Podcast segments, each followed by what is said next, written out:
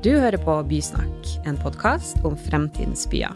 Her vil Omar Skje, Erling Fossen og faglig kommentator Maren Bjerkeng snakke med spennende gjester om trender innenfor byutvikling.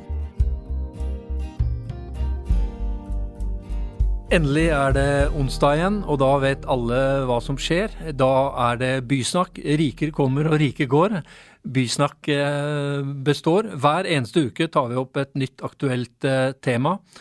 Og Maren, hva skal vi snakke om i dag? I dag, eh, som vanlig, skal vi snakke om et eh, ganske komplekst tema. Det er vi jo glad i. Eh, og vi skal nå snakke om hvordan skal Oslo møte befolkningsveksten. Eh, det er da anslått at man trenger et sted mellom la oss si 3500 boliger og 5000. Det varierer litt avhengig av hvordan man eh, ser på nettoinnvandring og, og den typen eh, elementer. Men overordnet tilsvarer jo det, la oss si, ti ganger Middeltunskvartalet, eller mer enn seks ganger av den storstilte boligutbyggingen på Ulven, eller hele Skøyen-boligpotensialet. Eh, og det er ganske mye eh, årlig. Ehm, og det er nok ikke noe enkelt svar på hvordan det skal løses. Eh, hvordan kan områder bli utviklingsmodne? Hva slags type boliger og for hvem skal vi bygge? Hvordan sikrer vi kvalitet? Det har vi jo ofte vært innom her. Og det er komplekse økonomiske momenter, prisvekst, etterspørsel, demografi, husstander, en rekke problemstillinger å ta tak i her. Som henger ganske mye sammen også. Det vi ønsker i dag, er å få fram noen nye politiske stemmer i diskusjonen. Som jo er de politikerne som skal stå for vedtakene og boligutviklingen framover. Det er helt korrekt. Eh, og da for å åpne dette feltet, eh, ved å unngå at vi har politikere som skylder på utviklere, og utviklere som skylder på politikere. Eh, Ikke glem arkitektene nå, da. Ja, Så skal vi ha da to kommende politiske stjerneskudd. Agnes Viljugrein, som er da stortingskandidat for Oslo Arbeiderparti. Og så er du en viktigpetter i gamle Oslo bydelslag. Stemmer det. Eh, og Nikolai Øyen Langfelt, du har jo allerede en politisk karriere. Er du ikke nestleder for Høyres bystyregruppe? Riktig. Og så sitter du i samferdselskomiteen. Jepp. Ja. Eh, velkommen skal dere være. Men da skal jeg starte med deg, eh, Agnes. fordi på Arbeiderpartiets landsmøte så holdt du da et flammende innlegg hvor du sa at skal du bli rik i dag, dropp industri, dropp olje, gå inn i eiendom. Og så hadde du da funnet ut at 107 av Norges 400 rikeste hadde blitt rike på eiendom. Uh, er det der problemet er? Altså, må du da se bakgrunnen. Altså, det vi skal diskutere, er jo Oslo trenger mellom 3005 og 5000 nye boliger i året. Men er det liksom utviklerne som må skjerpe seg? Det er der, er der du må sette trøkket? Altså, jeg tror at um, når vi skal snakke om boligmarkedet, så er det mange utfordringer på en gang, og det er derfor eh, det er så komplekst, da, hele det temaet. Så jeg, jeg tror jo at det er en utfordring for samfunnet vårt at noen tjener seg veldig rike på boligmarkedet, mens andre taper. Men så er det sånn at uh, ting henger sammen med hverandre. Vi trenger jo utviklere for å eh, bygge byen og for å, for å utvikle den. Eh, spørsmålet er jo hvor lønnsomt det skal være å investere i boligmarkedet. Eh, og det var det jeg tok opp på Arbeiderpartiet sitt eh, landsmøte. Men eh, ja, man skal veie mange hensyn, da. Man skal det. Og klare å både bygge boliger og samtidig samtidig eh, ja, for å møte den etterspørselen som er. Men er du enig i problemstillingen at eh, det bygges for få boliger i Oslo? Ja. Ja, og da, hva, hva, mener du da altså Det er også åpenbart at eh, utviklerne skylder jo på sendrektige eh, etater, eh, kanskje særlig PBE. Byrådet skylder på bystyret. Fordi alle de gode prosjektene som byrådet og PBE kjører fram, og da slår Høyre seg sammen med Rødt, og så stemmer de ned. det er ikke nok kvalitet. Plutselig, altså sånn, Hva er det du mener at politikerne kan gjøre, da? Du er jo en del av det sittende byrådet. Ja, ja. Altså, eh, jeg tror vi må klare da, å, å, utfordre de prosessene vi har i dag. Eh, Arbeiderpartiets landsmøte vedtok jo også at vi må se på noen av de eh, reguleringsprosessene som i dag finnes, for å kunne være med på å gjøre boligbygging raskere. Men så tror jeg jo at grunnen til at man kanskje ikke har sagt mer om hva det skal være, er fordi det er veldig vanskelig. Eh, folk skal få sagt sitt og få sagt meningene sine. Og ja, mange har veldig mange meninger. En av de tingene jeg har ofte tenkt på at eh, jeg tror kunne hjulpet hvis vi skulle fått bygd bolig raskere, eh, det er jo hvis utviklerne har vært tidligere ute med å spørre folk eh, som bor i områdene hva de vil ha. Jeg er jo lokalpolitiker, ikke sant? Og, og veldig ofte når vi behandler byutviklingssaker eller boligsaker, så er det når protestene kommer. Og da er man jo egentlig sluttspurten av, av, hele utviklingsprosjektet. Da kommer man helt på slutten og skal på en måte bremse og snu alt på hodet. Man vil ha en helt annen plan. Og det tror jeg er krevende for alle, for da tar det veldig mye lengre tid. Man, eh, man begynner da begynner man på en måte på scratch igjen, da, eller man risikerer å måtte eh, bygge ting som folk ikke vil ha. da. Så jeg tror jo at eh, hvis utviklerne også var tidligere ute med å involvere folk i enda større grad, vært mer opptatt av medvirkning, mer eh, ute blant lokalbefolkninga, så kan hende vi hadde fått mindre styr da, når alt kommer til alt og vi skal vedta de prosjektene som kommer. Mm. Men dette er en tak takknemlig overgang til deg, eh, Nikolai, fordi eh, Trodde du skulle si meg, men det vil Nei, nei til Nikolai. Eh, utviklerne må drive med mer og bedre medvirkning, sånn, det er vi alle enige om. Men det er jo sånn eh, Du tilhører jo da det som egentlig har vært Oslos styringsparti. Og jeg, jeg, jeg har jo elsket alle disse eh, eldre herrene i Høyre. Bård Folke, eh, Stian Røsland Berger, Erling La. Altså, Høyre var jo virkelig Oslo-partiet. Og så tapte dere nå to valg, og så er dere bare en skygge av dere selv. Og, altså, Høyre i opposisjon eh, ligner ikke på noe. Og, og, særlig det da, hvis man ser på eh, saker eh, som blir stemt ned i bystyret, altså det er nye boligprosjekter, så er det bare Høyre og Rødt. Og det er de rareste sengekameratene eh, jeg har vært borti. Altså, hva er det som har skjedd med Høyre? Og så skal du også da skylde på at eh, det er byutviklingsutvalget kommer alltid til slutt, litt sånn som eh, Agnes. Vi kan bare si ja eller nei, vi. Fordi det er liksom andre steder hvor man bestemmer planene, da. Mm. Altså jeg, tror, jeg, er først og fremst enig i at jeg også liker Høyre bedre når vi har makten enn når vi sitter i opposisjon. eh, det tror jeg gjelder alle som driver og engasjerer seg politisk. Eh, jeg tror at eh, til dette her med at eh, Høyre sender så mange saker og kutter av etasjer og sånn tilbake Vi må jo ikke glemme at parlamentarismen i Oslo er veldig bra på mange områder. Det gjør at man kan stille politikere til ansvar. Men jeg tror akkurat i byutvikling så er det noen utfordringer spesielt på bystyresiden for hvordan man eh, driver med byutviklingspolitikk. Fordi at handlingsrommet er så lite. Altså Skal eh, bystyret gjøre endringer, så krever det at man må ha en ny høringsrunde. Og Det gjør at eh, det eneste handlingsrommet man har i opposisjon, hvis du er uenig i måten en reguleringsplan er lagt opp, det er egentlig å sende det tilbake til, til byrådet. Og da får Du sånne, du kunne helt sikkert funnet nøyaktig de samme tallene. Obos lagde en oversikt over det fra da Arbeiderpartiet satt i, satt i opposisjon. Så stemte de også for færre boligprosjekter enn det Høyre gjør. Og sånn, sånn tror jeg det vil være, uavhengig av hvem som styrer. Men jeg har bare lyst til å uh, si en ting som er liksom overskriften om vi trenger 5000 boliger i Oslo. Og uh, jeg må si at uh, jeg tror ikke vi gjør det. Og grunnen til det er at vi jobber jo hele tiden med å gjøre Oslo større. I form av utstrekning. Altså ikke bygrensa, men vi gjør eh, avstanden inn til sentrum. Vi lager nye bysentra rundt Oslo.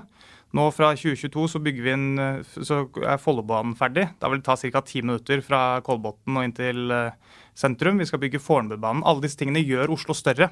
Og letter også på presset for å få til 5000 boligprosjekter innenfor bygrensa. Men uh, det er jo veldig interessant. Uh, det er et sånn Senterparti-synspunkt, uh, egentlig. Altså, nei, Én, det er ikke noe menneskerett å bo i Oslo. to, nei, du må tenke mye større og tenke med omlandet. Men hvis du skal da anføre bærekraft og idealene nå, at du skal da gå eller sykle til jobben, da faller jo hele den der polysentriske byregionen din. Jeg, jeg, tror, jeg tror, ikke vi skal tilbake til liksom teppebyen. Uh, vi, vi, skal fremdeles bo Ja, vi, vi, skal frem, vi, skal fremdeles bo i by. Poenget mitt er at jeg tror skal, altså Hvis du skal få flere folk til å bo i Oslo, så holder det ikke bare å bygge en leilighet. Det skal også være skoler, det skal være urbane kvaliteter som skal være andre steder enn bare i sentrum. Og man må bygge med kvalitet. Og da er poenget mitt at uh, vi skal selvfølgelig fortsette å fortette, og vi skal fortsette å, å lage den der, uh, med de knutepunktene våre som vi har holdt på med uh, over mange år. Og vi skal tenke på 15-minuttersbyen. Men vi skal også kanskje tenke litt større enn det. Og derfor, i og med at jeg jobber med samferdsel, så blir jeg også nødt til å si hvor viktig det er eh, når vi driver med kollektivutbygging. For det gjør faktisk Oslo litt større, da. Ja. Men en liten supplering der. Jeg tenker at det er uh, realiteten. Ikke sant? Man bygger, uh, og det er jo veldig viktig at man bygger ut toglinjer særlig, blir det jo. men i realiteten så vil jo det fort uansett bli en type At folk velger å ta bilen. At det er lettere å gjøre det, selv om du kan ta toget. Og så ser vi jo verdien av, ser det selv, Eh, personlig, det å bo eh, sentralt, at du kan egentlig gå til alt, det har også en verdi. Eller sykle til alt, eh, hvis man finner bysykkel. men, men, det å, å, ha den muligheten til å bevege seg i en by, og ha den variasjonen, og ikke gå tilbake til den der nå skal man bo i type mer sånn drabantbytankegang, at man bor et sted, tar kollektivt til jobben, ta kollektivt tilbake.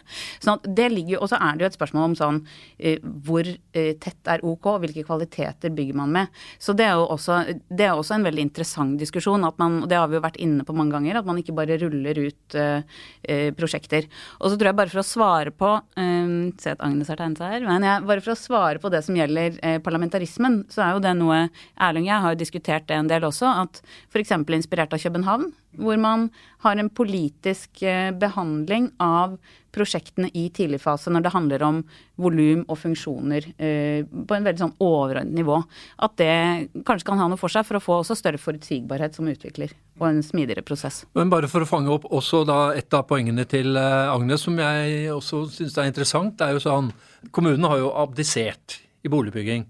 Veldig mange andre byer så man, driver man jo selv boligbygging, men da legger man det over på utviklerne. Og da må man spørre Uh, det er jo ikke sånn dere, De som lager boliger altså dere, Det er jo ikke kjø, kjøleskap eller altså sånn. Det er én, det er folks uh, basic mm, needs. Mm, mm. Og så en, burde man tjene mindre penger på boligbygging enn f.eks. andre områder. At man tar en for byen. Altså, eller er det sånn at når Obos gjorde det i sin tid, så var det fordi tomt, de fikk billig eller gratis tomter.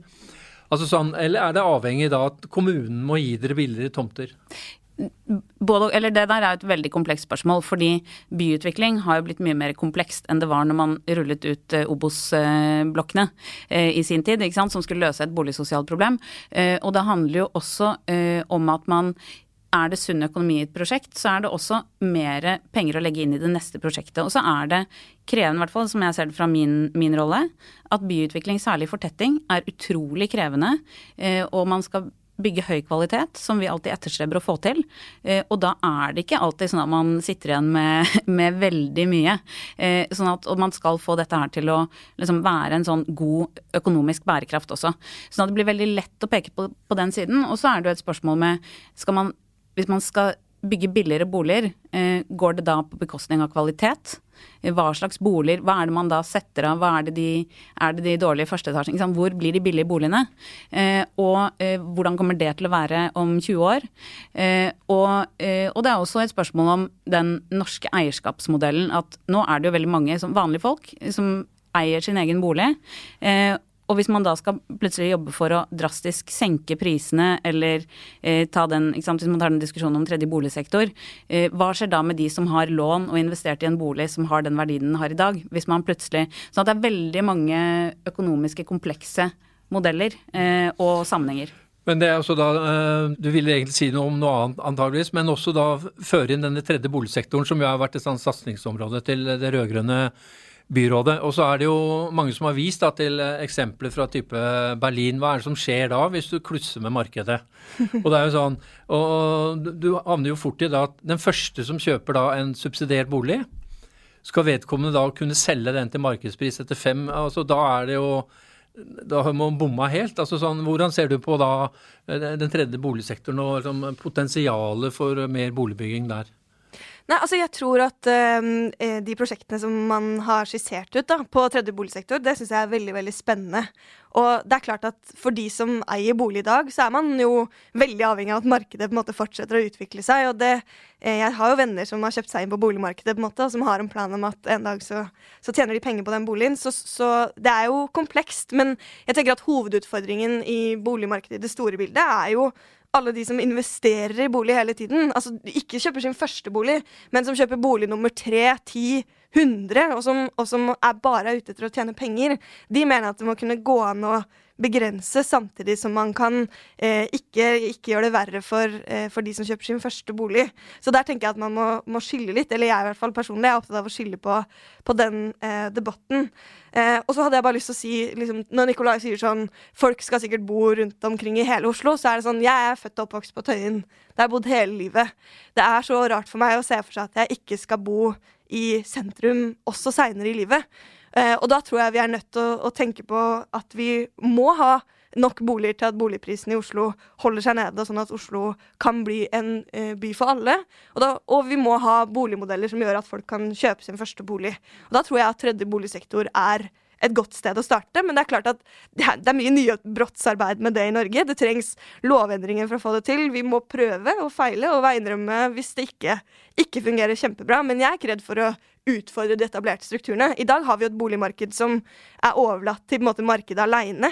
Og det er ikke sånn at vi har det alle andre steder i Norge. Det er ikke, eh, det er ikke unorsk å gå inn og si at skal, her skal vi styre markedet bitte litt. Da. Og det mener jeg at vi må tørre å gjøre når når det blir så vanskelig for vanlige folk å komme seg inn på boligmarkedet, ikke minst i mm. Oslo. Mm. Men det er, jo, det er, jo, også veldig eh, relevant med tanke på lovendring, som du er inne på. Fordi eh, sant, er det utviklerne, skal man bare si at jo, men vær så god. Eller skal man da Steder man har fått det til, er jo sånn som Hamburg f.eks. Man sier at ja, en tredjedel skal være eh, affordable, en tredjedel skal være utleie, en tredjedel er vanlig markedspris. Og da blir jo eiendomsprisene, eller tomteprisene, blir reflektert av det. Eller skal man si at utbyggingsbidrag, kan det også være den tredje boligsektor, eller skal det bare være sykkelveier og infrastruktur? Så det krever jo en eller annen form for økonomisk insentiv, selv om man vil være en god utvikler og gi noe tilbake til byen, så er det noe med liksom, totaliteten her. Um, og så tenker jeg at et interessant moment når det gjelder det med uh, utleiemarkedet, der toucher vi inn på det med studentboliger. Fordi hvis man hadde bygget flere studentboliger og fått til å svare bedre på det behovet, så hadde jo utleiemarkedet blitt uh, litt mindre hett. Og det hadde vært, uh, hvis man da hadde greid å fylle opp med de boligene, ikke sant, at får den balansen, uh, da ville også man kunne sett kanskje en mindre, noe mindre prisvekst, da. Så det henger jo sammen med det. Mm. Bare fange opp deg igjen, Nikolai. Altså, sånn, for Høyre så har jo markedet vært hellig. Man skal ikke klusse med markedet. Og så tenker jeg da Eh, når da unge eh, skal inn på boligmarkedet, så sier du Uh, nei, kan ikke du ta Follobanen til Ski? Nei, altså, men det, men, du behøver jo ikke bo i Oslo. Misforstå meg rett, altså, det, det, er ikke det jeg mener. Poenget mitt er at vi har sagt, snakket om at vi må regulere flere boliger i, så lenge, antakelig så lenge jeg har levd.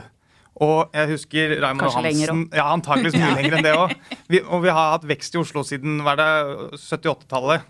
84. Ja. Og eh, det var vel eh, et lite kvarter i fjor hvor ja, det ikke var det. Riktig. men, eh, men Ramen Hansen var høy og mørk og skulle ha 6000 boliger i året, for det holdt ikke med, med bare 5000 i, i 2014. Og dette, det, Denne overbudspolitikken vil jo alltid være der. Og det er klart, Hvis jeg hadde sagt at nei, vi skal bare bygge, skal bygge 20-etasjers leiligheter overalt, så kunne jeg vunnet den der overbudskampen. Men jeg vet ikke om jeg er interessert i det. Fordi at det er sånn at Vi skal bo tett, og vi skal bo tettere enn det vi gjør i dag, sannsynligvis i, i fremtidens Oslo.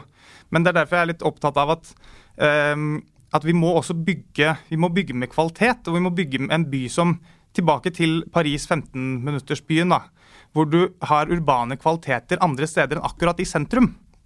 Og det krever det krever at ting tar litt eh, tar tid å utvikle nye områder. Og jeg synes det er to ganske gode eksempler på områder som har vært uh, utviklet på en veldig fornuftig måte og et mindre fornuftig måte. Nydalen. I dag så kan du omtrent uh, leve hele livet ditt i Nydalen. Uh, jeg, bor ikke så langt unna selv nå. og du, kan, du har barneskoler, du har videregående skoler, du kan til og med ta all utdannelsen din på BI der. Så, og du har restauranter, du har barer, du har arbeidsplasser. du har kort vei til marka. Mens Løren på den andre siden mangler veldig mange av de samme urbane kvalitetene. Og jeg tror at vi trenger å jobbe og, bygge litt mer by eh, med å bygge de der bysentrene, sånn som man har gjort på, eh, på, i Nydalen, fremfor at hele tiden at alt skal mates inn til, inn til eh, sentrum. Jeg vil jo si at en, Et lite innspill her er jo at for meg så har jo Nydalen og Løren også noen fellestrekk. Fordi det er, det er jo på Løren så er det jo også kafeer og restauranter og, og, de tilbudene man trenger. Eh, men det som mangler er jo, og det ser man jo gjennom det arbeidet Avantor også gjør nå med å tenke Nydalen i mm. liksom, neste fase.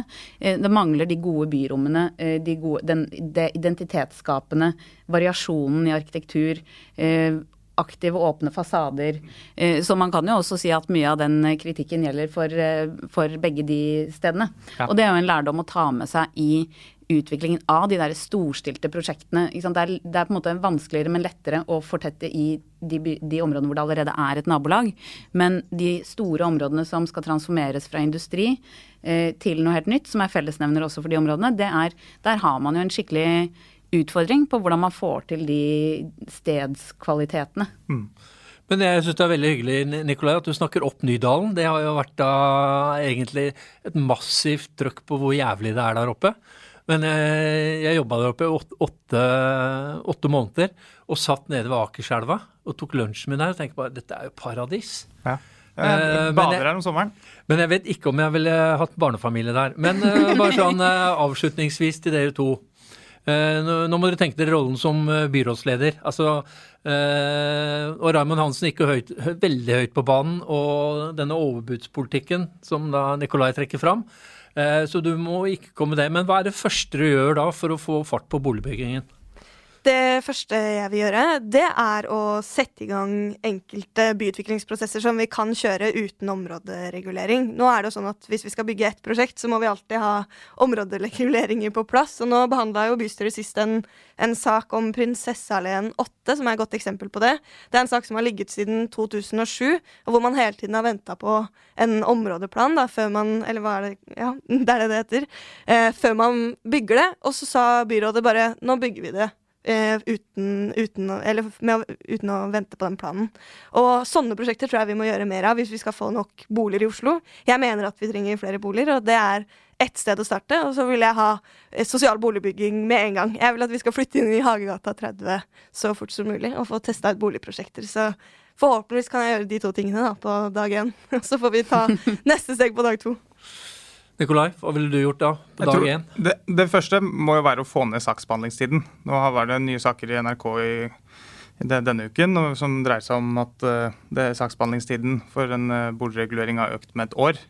Og det er til fordel for de som har råd til å sitte på, på eiendom over tid.